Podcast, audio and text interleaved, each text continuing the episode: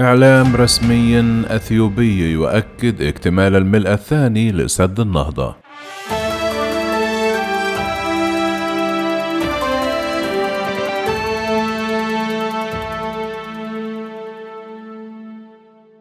نقلت وكالة رويترز عن هيئة الإذاعة الأثيوبية الرسمية يوم الاثنين أن مرحلة الملء الثاني لسد النهضة الذي تبنيه إثيوبيا على النيل الأزرق ستكتمل في غضون دقائق ويثير السد الذي تبلغ تكلفته أربعة مليارات دولارات المخاوف من نقص المياه وبشأن الأمن المائي في مصر والسودان الذين يعتمدان أيضا على مياه النيل.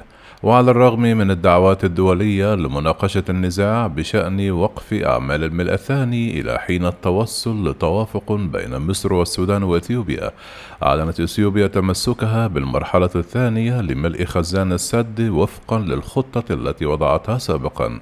جدير بالذكر أن الرئيس المصري عبد الفتاح السيسي أعلن مساء الخميس أن المأساس بأمن مصر القومي خط أحمر ولا يمكن اجتيازه.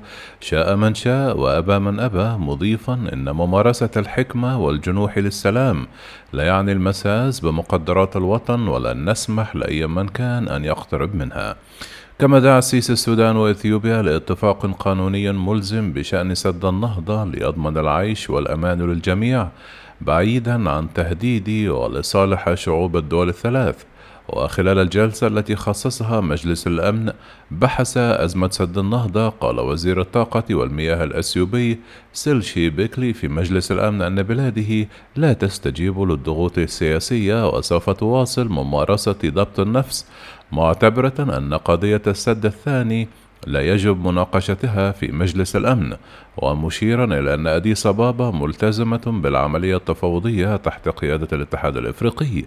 كما لفت الوزير الأثيوبي خلال الجلسة المخصصة لبحث أزمة سد النهضة إلى أن السد سيخزن المياه بشكل يتماشى مع ما تم الاتفاق عليه مع مصر والسودان. وأضاف بيكلي أن إثيوبيا شاركت في مفاوضات حول سد النهضة بعد تجديد حسن نيتها للتوصل إلى نتائج مقبولة من الجميع في الاتحاد الأفريقي مؤكدا أن بلاده تثني على جهود الاتحاد الحثيثة في هذه الظروف العصيبة بما في ذلك تقويض المفاوضات. كانت تونس قد قدمت لشركائها الأربعة عشر في مجلس الأمن الدولي مشروع قرار يدعو أديس أبابا إلى التوقف عن ملء خزان سد النهضة. جاء الاجتماع بعد فشل جولات عدة من المباحثات بسبب إصرار إثيوبيا قدما على الملء الثاني للسد من دون أي اتفاق ملزم مع القاهرة والخرطوم.